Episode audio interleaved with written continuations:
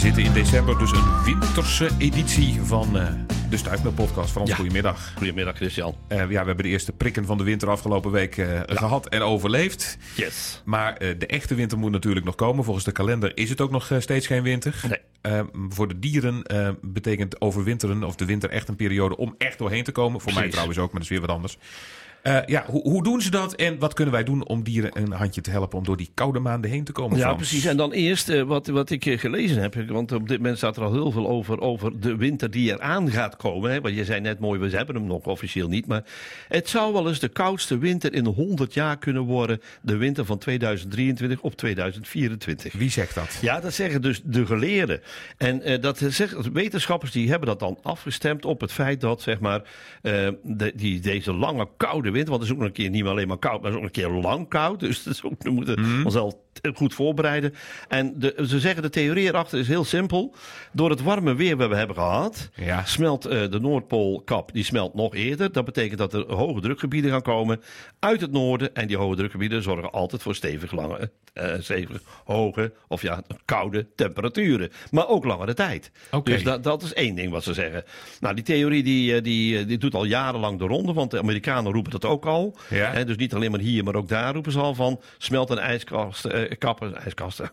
Ja, smelt een ijskast. Smeltende ijskasten, ja. ja, dat wordt wel gezellig. Ja, ja, ja. Smeltende ijskappen die zorgen voor sneeuw in Siberië, zeggen ze. En dat komt ook door dat, hè, dus als veel water stijgt, komt de druk eh, zeg maar, vanuit het noorden hier naartoe. Dan wordt het kouder. Nou, de KNMI, eh, de nuchtere Nederlanders zeggen, ja, dat is nog niet aantoonbaar. Het verband tussen zeg maar, de zomer- en de wintertemperatuur, dat, is niet, dat vinden zij dat nog niet gelegd is. Dus we zullen onze eigen mensen maar geloven. Maar er zijn toch andere mensen die zeggen van, ja, maar dat is niet alleen maar dus die, die smeltende ijskappen. Dat ik weer bijna, smeltende ijskappen. Het is ook, ja, het is ook volkswijsheden die wijzen op dat we de komende winter heel erg koud zullen gaan krijgen. En heel erg in Europa heel erg lang zal gaan duren. Want in Frankrijk bijvoorbeeld zijn ze nu al aan het meten van de Alpendistel. En als de Alpendistel uh, zeg maar uh, uh, hoog zeg maar uitgegroeid is, dan is dat tevens het punt waarin de, de sneeuw eindigt. Dus de sneeuwhoogte. Dus zij tellen de hmm. lengte van die Alpendistel. Als die klein is, ja, dan is er weinig sneeuw, dus niet zo koud. Maar als die heel hoog is, dan zal er heel veel sneeuw komen. En dan wordt het ook weer kei koud. Ja. Ook in Oostenrijk hebben ze iets opgevonden, want die meten de mierenhopen. hoe, uh, oh. Maar dan gaat het over de laagte, want hoe lager de mierenhopen zijn, ja. hè, want dat betekent ook dat er minder zeg maar, boven de aarde uitsteekt, hoe eerder dat het zeg maar, stevig koud kan zijn. En als de mieren dan op tijd beginnen om die mierenhopen te verlagen, dan betekent ook dat het een lange uh, winter gaat worden, maar dan ook nog eens een koude. Dus dat zijn allemaal de wetenschappelijke vertellingen en de, zeg maar, de meer ja, zeg maar, gebonden aan de volkswijsheden. Ja. Maar ja, uh, de, de, hij komt wel dichterbij op dit moment. En ik ben toch benieuwd wat dat gaat worden.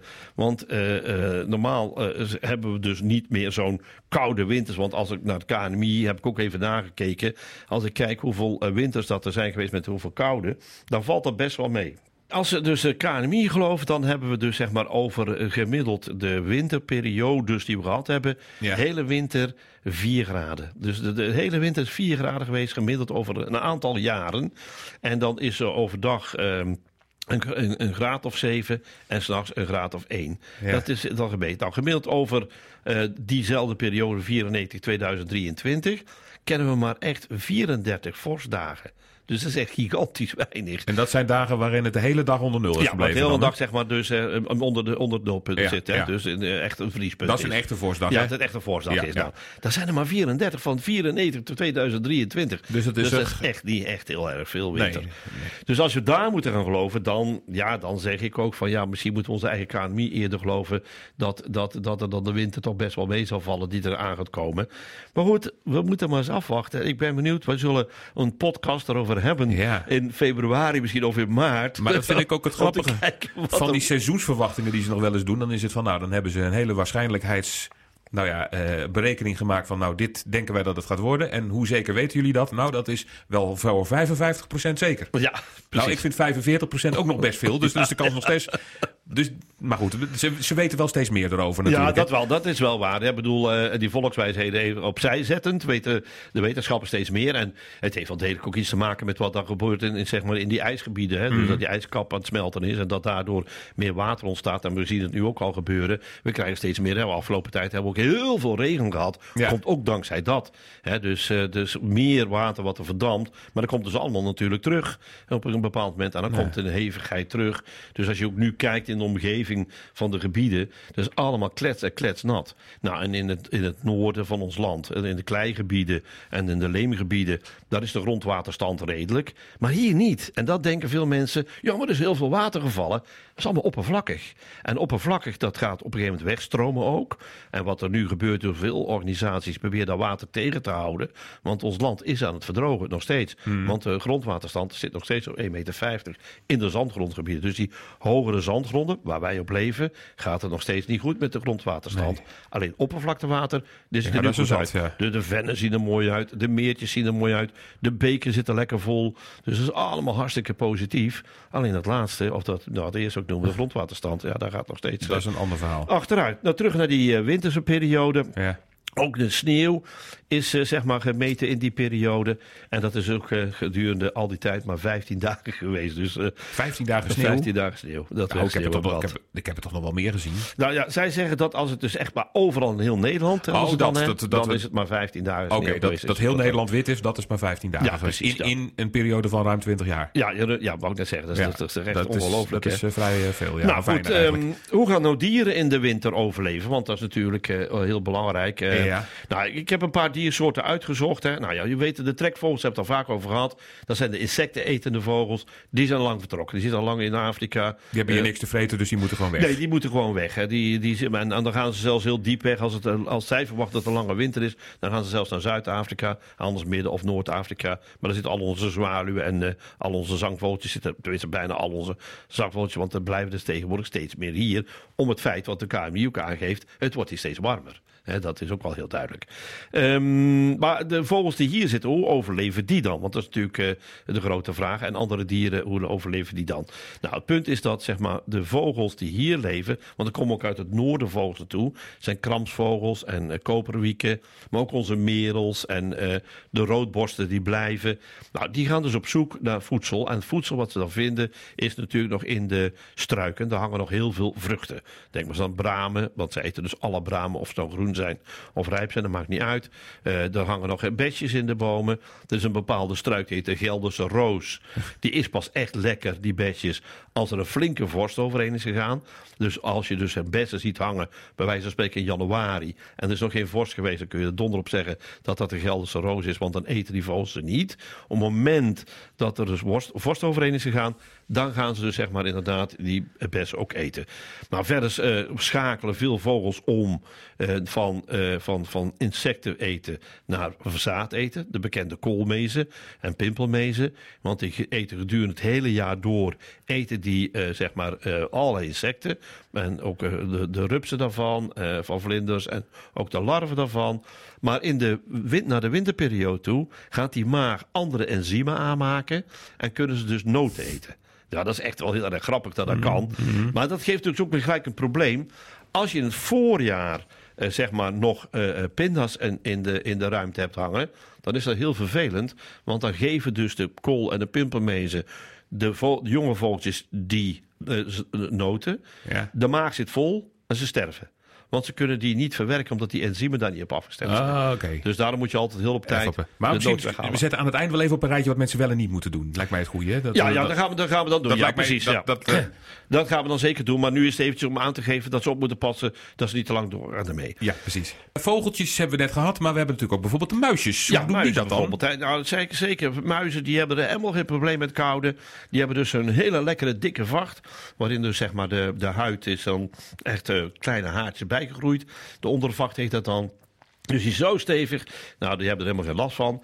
Wordt het er heel erg koud, dan blijven ze in hun uh, zeg maar, de holletjes zitten. Dan hebben ze een gigantische voorraadkamer aangelegd met heel veel eten. Dus daar zijn ze ook uh, zeg maar, heel erg voor, uh, voorzichtig voor. Dus die kunnen daarop gaan. Ligt er sneeuw, ja. dan kruipen ze onder de sneeuw door op zoek naar verse grasjes, verse worteltjes enzovoorts enzovoorts. En het grappige is van, als je dan later de sneeuw weg ziet gaan, dan zie je in één keer al die gangetjes lopen, maar andere de sneeuw zie je dus niks. Behalve de uilen, die weten precies te vinden, want die duiken dan op zo'n muisje. Dus ze hebben meer last van uilen dan dat ze last hebben van kou of van sneeuw.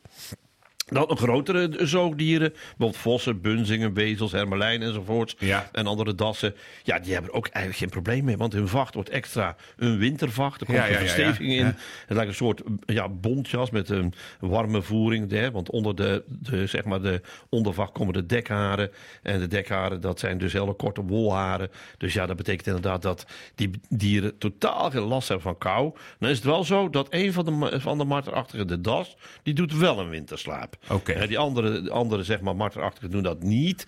Maar de das die doet dat dan wel. Want die heeft dus inderdaad zeg maar, heel veel uh, plezier om een winterslaap te gaan doen. Want die heeft echt zoiets van, uh, laat mij maar de winter maar even lekker liggen.